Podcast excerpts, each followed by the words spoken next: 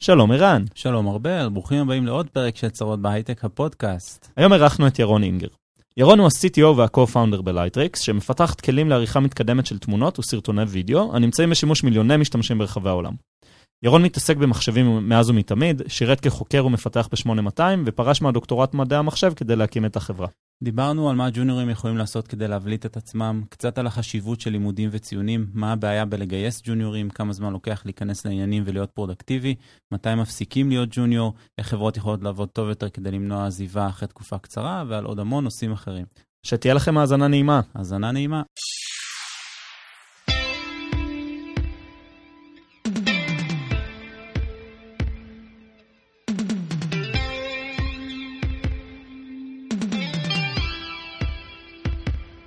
טוב, כמו שאני אשתה מלא משהו. אז uh, בעצם אנחנו עכשיו uh, מקליטים את הפרק הכי uh, לא אובייקטיבי של צרות בהייטק אי פעם. Uh, אנחנו פה יחד עם uh, ירון אינגר, ה-CTO של לייטריקס. כמו שאתם יודעים, ערן ואני גם עובדים בלייטריקס, ואנחנו גם מקליטים את זה באולפן החדש של לייטריקס, אז גילוי נאות עשינו.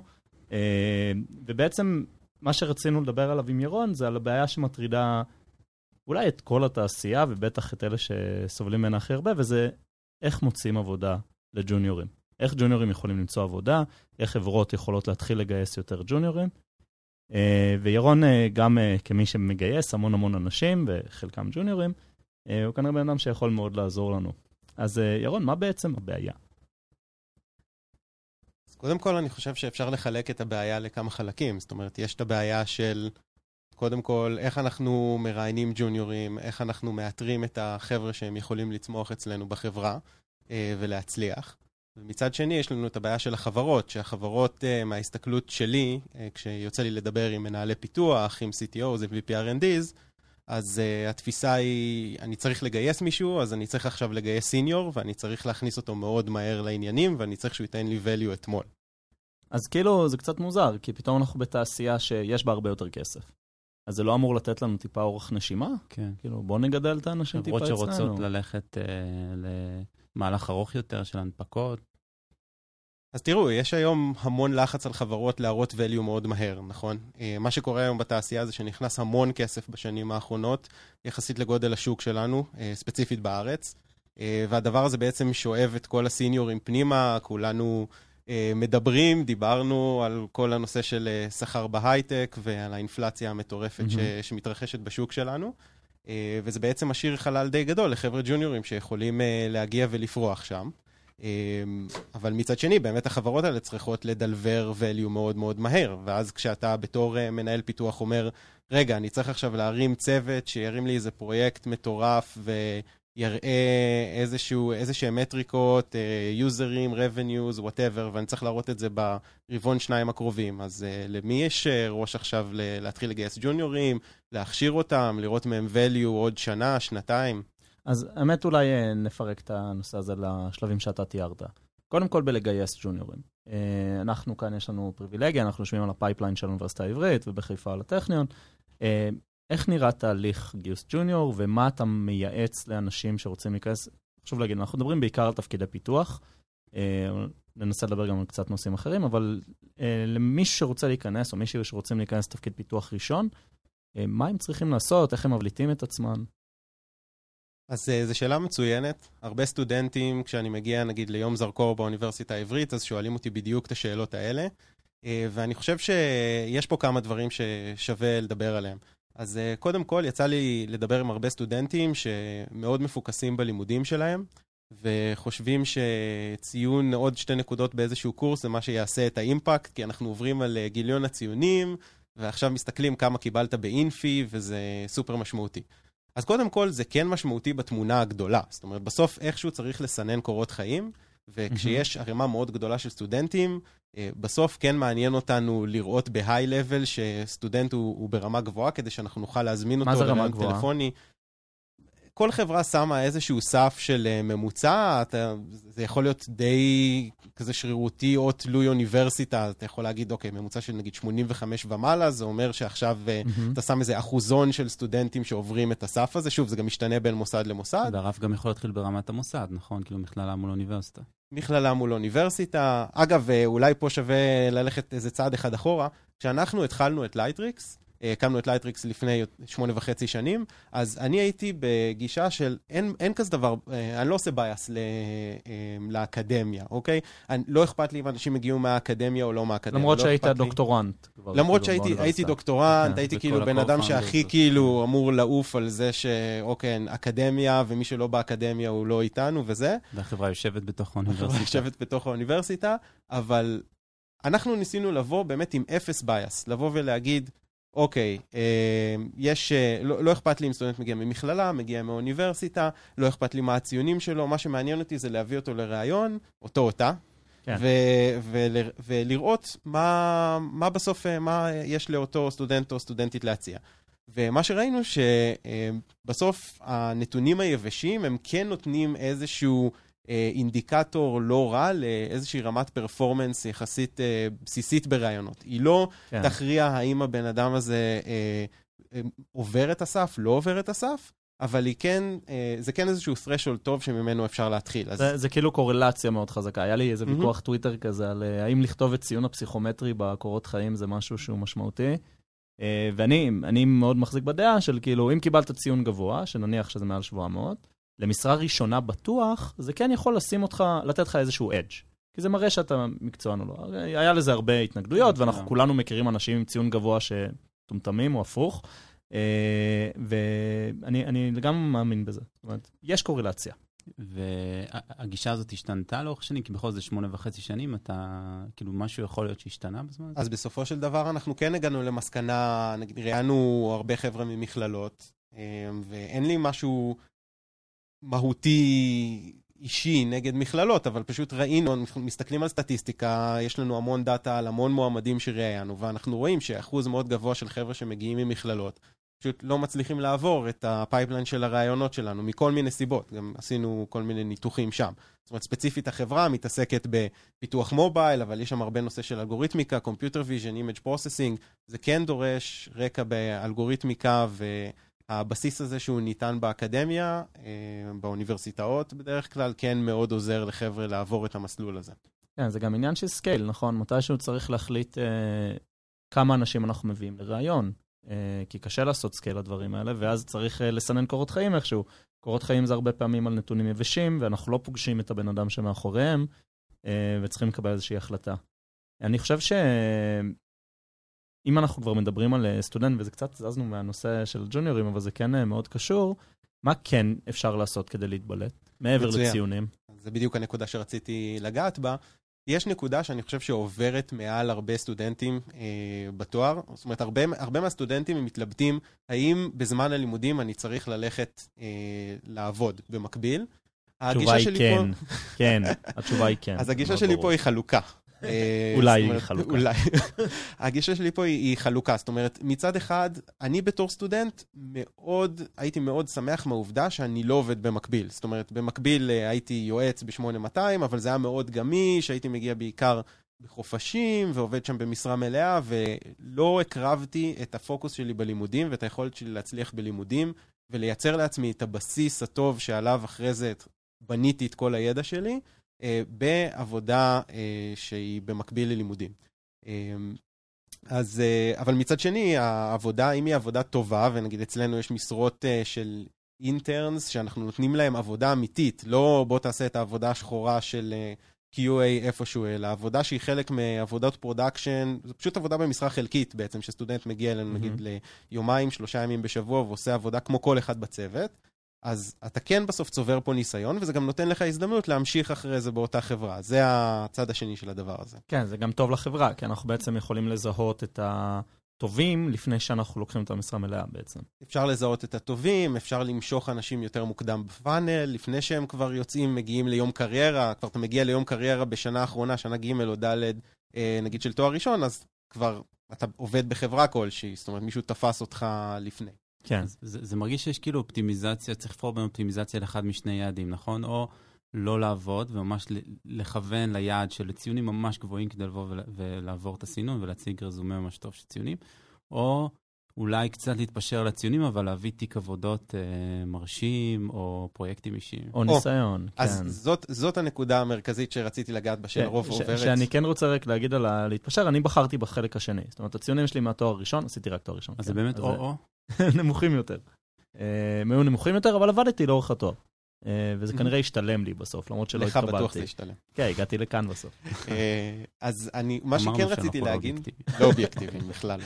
אז מה שכן אני חושב שהרבה סטודנטים מפספסים, ואני נותן את הטיפ הזה לכל אחד שבא לדבר איתי, זה הסיפור הזה של הפרויקט. זה יכול להיות פרויקט באקדמיה, זה יכול להיות פרויקט בבית, ואם אני רואה קורות חיים של סטודנט, לא כזה משנה לי מאיפה הוא מגיע, מה הציון שלו, אבל אני רואה שיש איזשהו פרויקט או פרופיל גיטאב, פרופיל סטק אוברפלואו, משהו שהוא מראה איזושהי זיקה לתעשייה, איזשהו passion למשהו, לאיזה, משהו הפריע לי. הפריע לי ש... לא יודע, החתול שלי כל הזמן דופק בדלת, ובניתי איזה פרויקט של מצלמה שמזהה את ה... מזהה חתולים, או את החתול הספציפי שלי, ופותחת את הדלת אוטומטית וסוגרת אותו כשהוא נכנס. אה, לא יודע, דוגמאות לפרויקטים שאני עשיתי בתור סטודנט. סיפור אמיתי, כן. סיפור אמיתי. אה, הפריע לי עוד, אה, שאני, אה, בזמנו, אני מדבר על 2007, הייתי סטודנט, וזה עצבן אותי לקום כל פעם למחשב שלי ולהחליף שיר בווינאמפ, אז כתבתי איזה אפליקציה עוד ב-iOS 1. איזה skin היה לך. אוקיי. סליחה. למה? אה, אז, uh, וכתבתי איזה אפליקציה שעם plugin לווינאמפ, שאני יכול דרך האייפון, עוד לפני שהיה App Store, mm-hmm. כן, שאני יכול להחליף בו טרקים. עכשיו, אתה בא עם איזשהו uh, פרויקט כזה לראיון. קודם כל, אני רואה את זה, זה ישר כזה, אני חייב לדבר עם הבן אדם הזה, להבין למה הוא עשה, מה הפריע לו. יש פה גם עניינים, אמרנו שאנחנו נוגעים במפתחים, אבל גם נורא, לי נורא חשוב לראות מפתחים שגם אכפת להם מה product, אכפת להם איך הדברים מתחברים. אז אפשר גם לדבר גם על הצד הפרודקטי, רגע, מה הפריע לך, למה זה הפריע לך? זה גם מישהו שכתב משהו מההתחלה עד הסוף, נכון? נכון. כי הרבה פעמים, אני יצאתי מהאוניברסיטה, אם לא הייתי עובד, אז כתבתי אולי פרויקט אחד שהוא מההתחלה עד הסוף, ולא uh, לפתור uh, חידות נקרא לזה. Uh, וזה מאוד משמעותי. כן, הוא, הוא ידע לאפיין בעיה, הוא ידע איך לגשת אליה, זה כאילו, זה אומר הרבה. ולמצר אותה כן. בסוף, productize. productize. זה מילה מוזרה, כן. אז uh, זה בעצם נותן המון המון value, וכבר רק להתחיל לדבר עם הבן אדם בלי לדבר על דברים יחסית שטחיים באמת, כמו איזה קורסים באוניברסיטה שעשית ואיזה תרגיל קטן בקורס, ישר אפשר לצלול, בוא ספר לי על הפרויקט הזה, איך בחרת טכנולוגיה, מה הדברים שאתה שמח שעשית, על איזה דברים, איזה דברים היית עושה יותר טוב אם היית בונה את אותו פרויקט מחדש. אז זה מייצר שיחה הרבה יותר כן. עמוקה, הרבה יותר אינפורמציה שאני יכול לקבל בתור מראיין על הבן אדם, הרבה יותר תחושה טובה לגבי passion שיש לו לגבי כתיבת קוד, product, כל הדברים האלה, אה, וזה נותן value עצום. זאת אומרת, אז זה לא חייב להיות פרויקט ענק, זה יכול להיות גם פרויקט אה, מאוד נקודתי, כן. וזה לא מתנגש עם העניין של הציונים, זה מעניין. אה, אולי נצא שנייה מה... לחפש את ה... ישר מהאוניברסיטה ואיך מוצאים, ובעצם בואו נדבר רגע על הבעיה. מה, מה הבעיה בלקחת ג'וניור או ג'וניורית, מישהו בלי ניסיון hands on, ולהפוך אותם לפרודוקטיביים. כמה זמן זה לוקח, אה, מה... בממוצע רואים את ה-value שמקבלים. מה ה-ROI השלילי שיש מזה, נכון? כי יש פה איזו הנחה סמויה, אנחנו לא לוקחים אותם, כי הם אה, לא רק לא עוזרים, הם גם כנראה פוגעים בפלואו הרגיל. כן. אז קודם כל זה איזשהו הימור, כן? זה, זה אני חושב אולי הפער הכי גדול אצל חברות, נכון? זאת אומרת, חברות אומרות, רגע, אני, אני עכשיו בתור חברה לוקחת איזשהו ג'וניור, אז לא ברור לי מה יהיה עוד שלושה חודשים, עוד חצי שנה, עוד שנה, יכול להיות שאותו בן אדם לא נותן value. לעומת לקחת סיניור, שעכשיו אני יכול להגיד, רגע, הוא מכיר טכנולוגיה ספציפית, אותו סיפור של הפרויקט, כן, אפשר לדבר על פרויקטים בעבר אה, שאותו מפתח מפתחת עשו, אה, ובאמת לראות ידע hands-onי סופר רלוונטי למה שאני צריך כרגע. Mm-hmm. אז, אה, אז אני חושב שהאתגר פה אה, זה באמת בריאיון לבוא ולזהות לזהות יכולת, ולא לזהות, לזהות בעצם פוטנציאל גדילה, ולא לזהות עכשיו איזושהי, איזשהו ידע בתחום מאוד מאוד ספציפי. ו...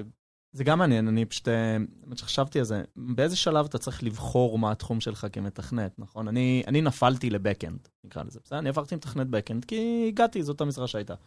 זה חשוב להחליט מה המשרה הראשונה? בעיניי לא, אני יודע שבהרבה חברות אולי זה כן uh, מייצר איזשהו מסלול של טוב, הייתי מפתח Backend, הייתי מפתח iOS, הייתי מפתח Android, אז אני הולך להמשיך עם הדבר הזה. Uh, אני חושב שמההסתכלות שלי בתור CTO, אני חושב שאינטרנל מוביליטי זה דבר מאוד מאוד חשוב, והיכולת שלך גם להתמחות בזוויות שונות. אז גם internal mobility בתוך צוותים, זאת אומרת, אם היית מפתח iOS, לבוא ולעבוד על מוצרים שונים, אה, בצוותים שונים, אה, ללמוד מאנשים שונים, לתת את הדברים שאתה למדת לצוות, לקבל מהצוות את שיטות העבודה שלהם, להתמודד עם בעיות אחרות, אבל זה נכון גם לפלטפורמות שונות. זאת אומרת, אם עכשיו יש לנו מפתח iOS שעובר לבקאנד, אז פתאום הוא מבין את השיקולים של מה, איך מפתחי iOS מסתכלים על הבעיה ואיך צריך לתת להם APIs. כך שהם יוכלו אה, ל deliver ל user את ה experience הטוב ביותר.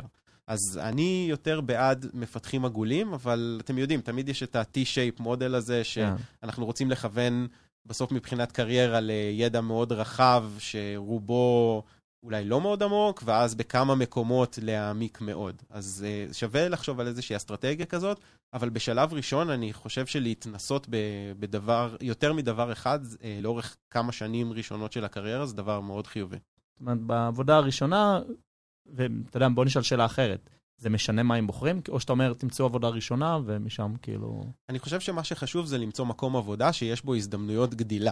Mm-hmm. כי uh, יש הרצאה שנתתי לסטודנטים באוניברסיטה העברית, דיברתי בדיוק על זה ב, בשקף האחרון, שאנחנו בתור מי שמגייסים ג'וניורים, אנחנו, כמו שאמרתי קודם, מסתכלים על חבר'ה שיש להם הזדמנויות לפרוץ ולגדול uh, בצורה משמעותית. עכשיו, אם אתה בחרת uh, בתור המשרה הראשונה שלך איזשהו מקום עבודה שבו אתה לא יכול לגדול, ועכשיו, אחרי שנתיים, שלוש, אתה רוצה להחליף עבודה, אז כשאני בא לראיין אותך, אני רואה מישהו עם trajectory שהוא אה, מתון מאוד. Mm-hmm. ואז עכשיו אני צריך לשאול את עצמי, רגע, יכול להיות שזה מקום העבודה שלך, או יכול להיות שזה אתה?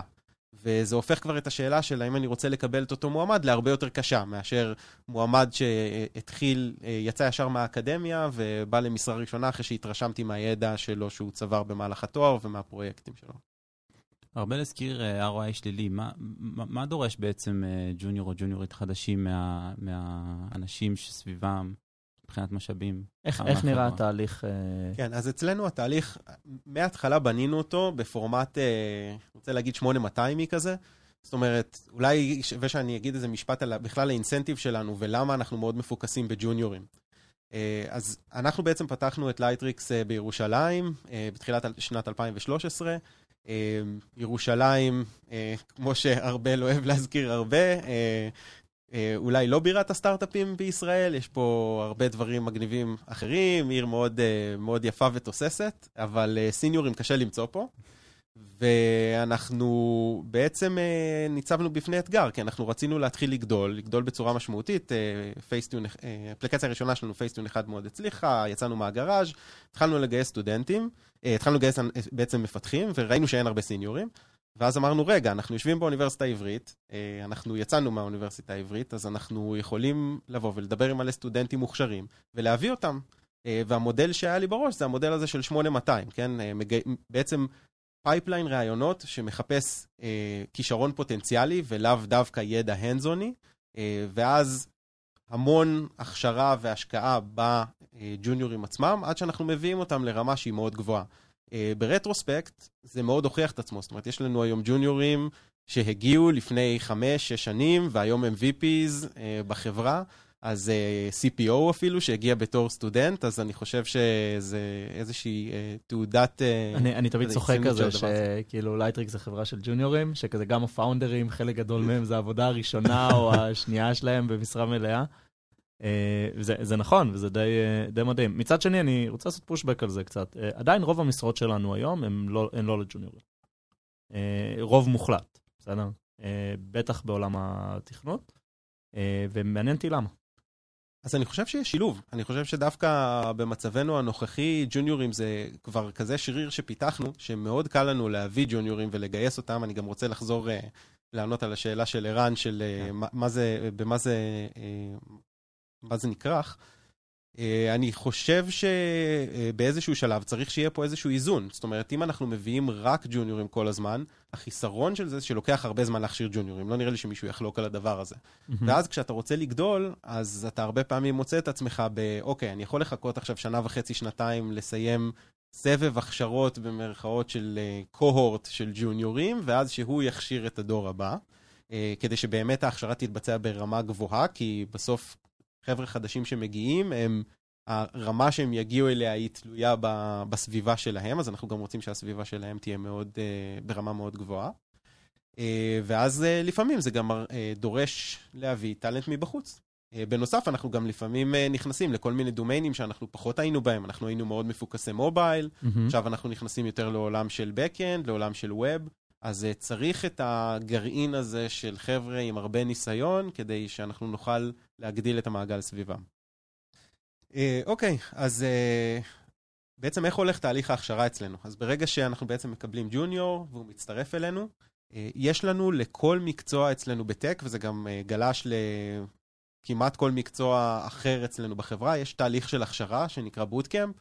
וה bootcamp הזה הוא משתנה בין מקצוע למקצוע, אבל בגדול יש איזשהו מסלול, יש uh, מסמכים, אם זה מסמך, Trello board או Jira uh, board או כל דבר uh, אחר, שבעצם מגדיר לך משימות מאוד מסודרות. לכל uh, מפתח שעובר את ה bootcamp מוצמד מנטור, שהמנטור הזה זה בחור שהוא יכול להיות tech lead, הוא יכול להיות מפתח senior מהצוות. זה בעצם גם חלק מההתפתחות של מפתחים אצלנו, להיות מנטורים, ותהליך בדרך להפך להיות tech leads, אה, בדרך להיות uh, engineering managers. כשהמנטור נפגש עם uh, אותו ג'וניור במשך כמה פעמים בשבוע, כשהם מדברים גם על עניינים שהם טכניים, זאת אומרת, אם יש איזו הרצאה שהוא ראה או תרגיל שהוא עשה, אז עושים את ה-review, את ה-code review, מדברים על הקוד, מדברים על איך אנחנו עושים דברים ב Lightricks וכולי. אה, וגם על אה, שיטות עבודה, זאת אומרת, אה, איך מתנהלים בצוותים, איך מתעדפים משימות, איזה רמת פוליש אנחנו מצפים, וכל מיני דברים כאלה. אז גם, זה גם דרך... ממש להחדיר את ה-DNA של החברה. בדיוק, להחדיר את הקלצ'ר כן. של החברה. אז הדבר הזה הוא לוקח בין חודש לחודש וחצי. כשעל הדבר הזה קיבלנו פידבק מעולה. זאת אומרת, המון המון המון Developers באו אליי ואמרו, תקשיב, כאילו, עובדה שיש לי עכשיו חודש או חודש וחצי שאני לא נכנס לתוך צוות, ואני שלא יכול... שלא מצפים ממני לא מצפים ממני, לדלבר. לא מצפים ממני לדלבר, יש לי את הזמן לשבת וללמוד 100% מהזמן, ולא מופעל עליי את הפרשר הזה של תוציא דברים ובמקביל תתחיל לעשות רמפאפ. כן. איך זה, זה פוגע בפרודקטיביות של המנטור? אז אה, הפרודקטיביות של המנטור דווקא לא כל כך, זאת אומרת, זה mm-hmm. כמה פגישות בשבוע, אה, זה, זה לא אה, מאוד מאוד יקר. אני חושב שהדבר היקר יותר הוא כש... מפתח כזה נכנס כבר לתוך הצוות. Mm-hmm. זאת אומרת, אחרי חודש וחצי, אז בעצם נגמר ה bootcamp, יש לנו איזשהו תרגיל סיום כזה, שהוא מיישר קו בין כל המפתחים, ואז אה, שב, שבו באמת אנחנו כבר עושים כזה code review מסודר, זה בעצם כאילו הכנת עכשיו קוד ל production, mm-hmm. אה, ואז אתה מצטרף אה, לצוות, וכשאתה מצטרף לצוות, אז עכשיו מתחיל איזה תהליך של ramp-up, שבאמת אתה מתחיל לקבל משימות, המשימות האלה הן מתחילות משימות ב scope מאוד uh, קטן, מאוד מוגדרות היטב, uh, mm-hmm. באמת כזה מלווים אותך יד ביד, ולאט לאט אתה מתחיל לגדול ב- ב scope המשימות, באחריות, uh, לאט לאט מתחילים גם לתת לך לאפיין את המשימות בעצמך, uh, להגדיר כן. את ה scope שלהם, להעריך זמנים, שזה משהו שהוא בעיה גדולה בלי קשר, אבל זאת אומרת, אצל מפתחים ג'וניורים בכלל זה... זה פרק שלם על לגמרי, איך עושים effort estimation. וכנראה שגם לחברות קטנות יותר אין את הפריבילגיה לעשות כזה, כזה תהליך, אבל... אז אני, בקטע הזה אני, אני צריך לחלוק עליך, כי אנחנו okay. אוקיי. עשינו את זה דווקא כשהיינו קטנים. אוקיי. Okay. זאת אומרת, אנחנו גייסנו כמה חבר'ה, באמת, היה לנו, לא יודע, בדיעבד כמה פוקסים, שבאמת גייסנו כמה חבר'ה מאוד מאוד חזקים בתור העובדים הראשונים שלנו. אבל uh, אני חושב באמת על חבר'ה שהיום הם כזה VPs אצלנו, שהתחילו בתור... ועוד היינו bootstrap אז. ועוד היינו bootstrap. כן, לפעמים אתה אומר כזה, וואו, מה, כן, עשינו? זה, זה, לא, במבט לאחור זה מטורף. זה, זה באמת מטורף, אבל uh, לפחות במקרה שלנו, אני חושב שזה הוכיח את עצמו. זאת אומרת, כן. כן הלכנו על זה all in, אני חושב גם מאיזשהו כיוון שלא הייתה לנו כל כך ברירה, כי המפתחים שחיפשנו, א', ירושלים, ב', אנחנו מחפשים מפתחים של מובייל עם רקע בעיבוד תמונה, computer vision, ולייצר איזה ידע כזה יש מאין שהיה אצלנו רק. גם, גם אם הייתי בתל אביב עכשיו, לגייס סיניור שיודע, ש-checks all the marks, זה משהו שהיה לי בלתי כן. אפשרי. אז בעצם מתוך החוסר ברירה הזה, עשינו את זה, ואני חושב שלמדנו המון מהתהליך הזה. אני חושב שגם חלק מהעניין uh, המעניין זה איך uh, יש נטייה בחברות, אחרי שהן גדלות, לגייס מבחוץ uh, מנהלים. וכאן הרבה מהמנהלים גדלו מבפנים. אני חושב שאני ה-VP הראשון שגייסו מבחוץ. יכול להיות.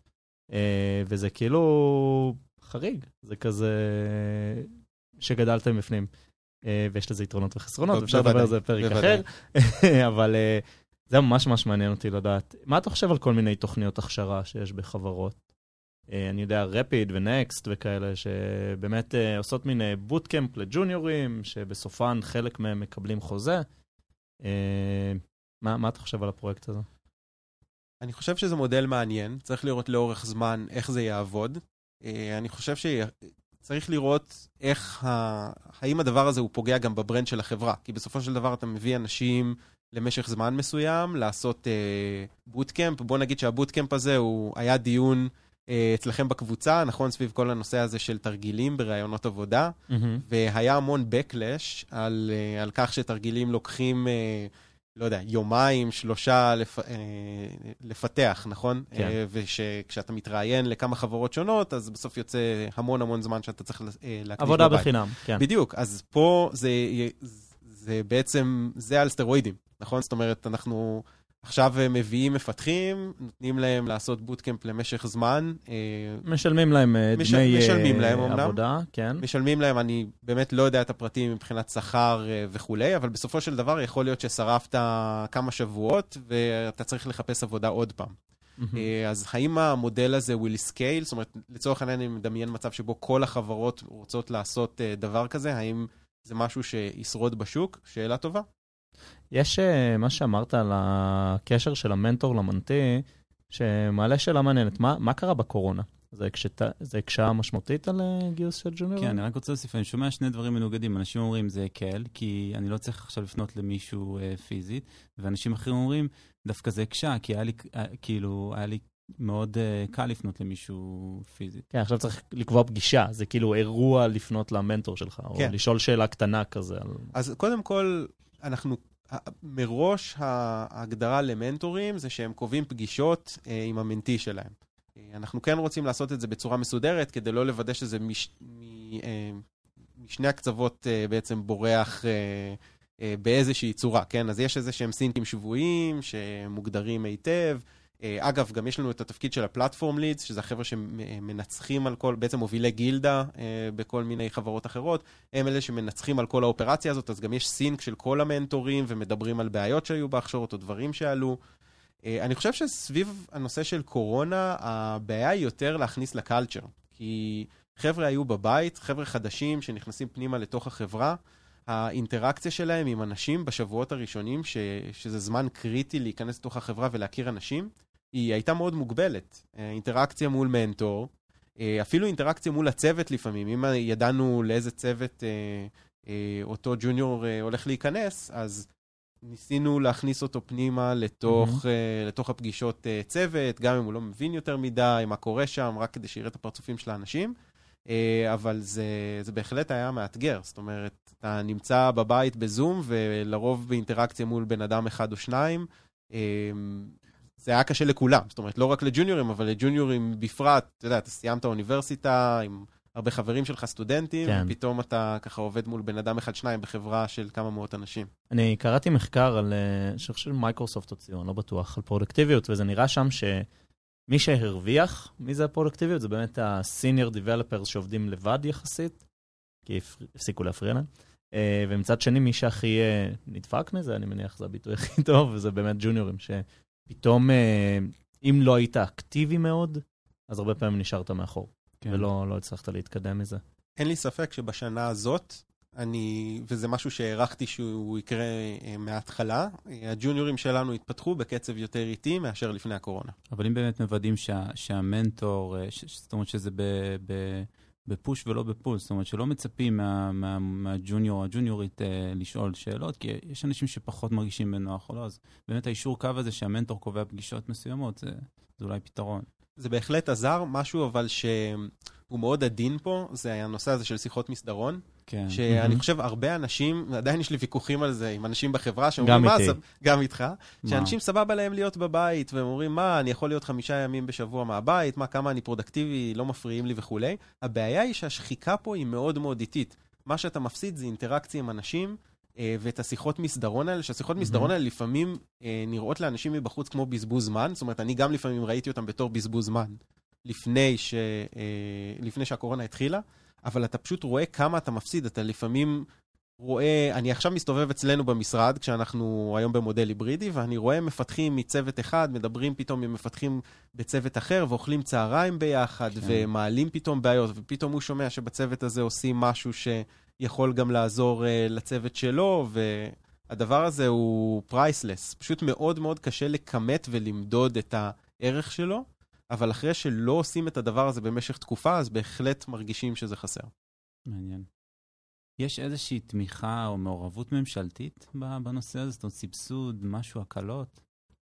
אז בגלל שאנחנו בירושלים, יש לנו אה, כל מיני הטבות שאנחנו קיבלנו ומקבלים על אה, בעצם משרות בשכר גבוה, אה, שאנחנו, אה, בעצם ש, שאנחנו מייצרים אה, בעיר, כן? זה אזור עדיפות לאומי א', אז כן. אנחנו מקבלים כל מיני הטבות כאלה ואחרות. אה, בהחלט יש אינסנטיב למדינה, גם במקום שהוא, ירושלים מוגדרת פריפריה, אז, אה, אז גם במקום שהוא מוגדר אה, כפריפריה, בעצם לפתח פה את נושא ההייטק. לא, אבל ספציפית, ל... אני חושב שערן מתכוון לשאלה יותר כללית על ג'וניורים, נכון? יש... אחת המטרות של הממשלה החדשה זה שעד, לא זוכר איזה שנה, יהיה 15% מה, מהשוק העבודה יעבוד בהייטק. ובעצם יש היום זה, זה, זה הפרדוקס, נכון? יש איזה 15,000 משרות פתוחות ויש איזה 30,000 אנשים שמחפשים עבודה, אה, וזה הרבה בגלל הג'וניורים שתיארנו. והאם עזרה ממשלתית בתחום הזה, זאת אומרת, אתה מגייס בן אדם מיד אחרי האוניברסיטה ואתה מקבל סבסוד מסוים, האם זה היה עוזר, או שעדיין ה-ROI השלילי אה, הוא מספיק שלילי כדי שזה לא ממש יעזור? אני חושב שהשאלה היא מה גובה הסבסוד. כן, אומרת, היום, שזה... היום אנחנו מדברים על סכומים כאלה מטורפים שרצים בכל הסטארט-אפים מבחינת אה, סכומי הכסף שהן, אה, שהחברות האלה מגייסות ו, וכמות כוח האדם שהן צריכות לגייס, שבסוף אני חושב שלא תהיה ברירה. זאת אומרת, אני חושב שזה לא קשור בכלל לסבסוד ממשלתי. אם היום אתה צריך לגדול ב-300 עובדים, אה, החברות האלה יצטרכו ללמוד איך הן מביאות ג'וניורים, או שהן פשוט יעשו את הפיתוח שלהן אופשור, אבל אם אופשור בא עם, אני מניח שגם זה פרק נפרד, זה בא עם כן. חסרונות yeah. שלו, עם בעיות... תקשורת עם קלצ'ר אחר וכולי. אז uh, אני מאמין שזה ילך גם לפה וגם לפה. איך אתה התחלת? בתור ג'וניור כמובן. אתה אף פעם לא היית ג'וניור. כן, זה... בעצם העבודה הראשונה שלך, אם נצא רגע מהייעוץ ל-8200, mm-hmm. היית, היית אינטרן בגוגל. נכון. נכון? אה, שאני מניח שהגעת לשם כי היה לך ציונים מאוד מאוד גבוהים באוניברסיטה. האמת שהגעתי לשם כי מישהי שעבדה שם בתור אינטרן משכה אותי. אוקיי. והצלחתי לעבור את הראיונות, אגב, בפעם השנייה, כי פעם ראשונה לא קיבלו אותי לגוגל, כשהם היו איזה 17 איש בארץ, אה, בצדק. אגב, זה, זה כן, הכאפה שקיבלתי, שגרמה לי ללכת ללמוד. אני התקבלתי לגוגל בפעם השלישית. וואלה? פעם אחת נכשלתי כמתכנת, ואז לא ניסיתי עוד פעם. נכשלתי כ-PM בפעם הראשונה, ובאמת לא הייתי מתאים. אה, ואז שלוש שנים אחר כך כבר נכנסתי כ-PM, ולגמרי הבנתי למה לא עברתי בפעמים הקודמות. זהו, אז גם במקרה שלי זה, זה היה מוצדק. ב- ב- אני אשאל את זה אחרת, באיזה גיל היו לך כבר פרויקטים של תכנות להראות? לא כזה, זאת אומרת, לא? אני בתור uh, ילד לא הייתי כזה מפתח. אני עבדתי אומנם באינטרנט זהב בתמיכה טכנית בכיתה י"א-י"ב, uh, אבל הייתי יותר איש סיסטם כזה, מרכיב מחשבים, כאילו, מטפל בכל ה... נושאי רשת, אינטרנט, מעניין. כל הדברים האלה, אבל פיתוח אמיתי התחלתי רק uh, בצבא, ו... ובאמת אני למדתי המון, גם uh, בעיקר, אני חושב, סביב uh, גוגל. זאת אומרת, להגיע למקום שבו אתה מפתח ב scale גדול, אתה לומד הרבה על Software Engineering, אבל זה המון עליך. זאת אומרת, זה בסוף, זה לא שמישהו בא, דיברנו פה הרבה על תוכניות הכשרה, על onboarding, על כל הדברים האלה. זה היה מאוד מאוד דליל. דווקא אני יחסית נכוויתי מהסיפור הזה, ולכן אמרתי, אוקיי, אנחנו עושים את זה בלייטריקס, we're going, we're gonna do it right, כאילו, מאיך שאני רואה את זה, כן. כן? אנחנו הולכים לעשות את זה בצורה מסודרת ובצורה חלקה. זאת אומרת, אם אתה... אה, אני חושב שהחברות הגדולות, יש להן כמובן תשתית טכנולוגית מאוד מאוד מאוד רצינית. אתה צריך להיות מאוד אה, בעל תושייה ומאוד אה, יוזם כדי להפיק את, ה, את המקסימום, כדי ליזום, להסתכל ב code base, להסתכל על אנשים שאתה מעריך בתוך החברה, להסתכל על קוד שהם כתבו, כדי ללמוד על זה, לפנות אקטיבית לאנשים, לכתוב ב groups. אז זה דורש סוג מסוים של אישיות כדי להתפתח בו. כן, אני, אני גם אגיד שזה סוג מסוים של אישיות שיכול לעזור גם לג'וניורים. זאת אומרת, תחפשו פרויקטים, תכתבו בקבוצות של ה open source, תשאלו שאלות, תהיו פעילים ב Stack Overflow.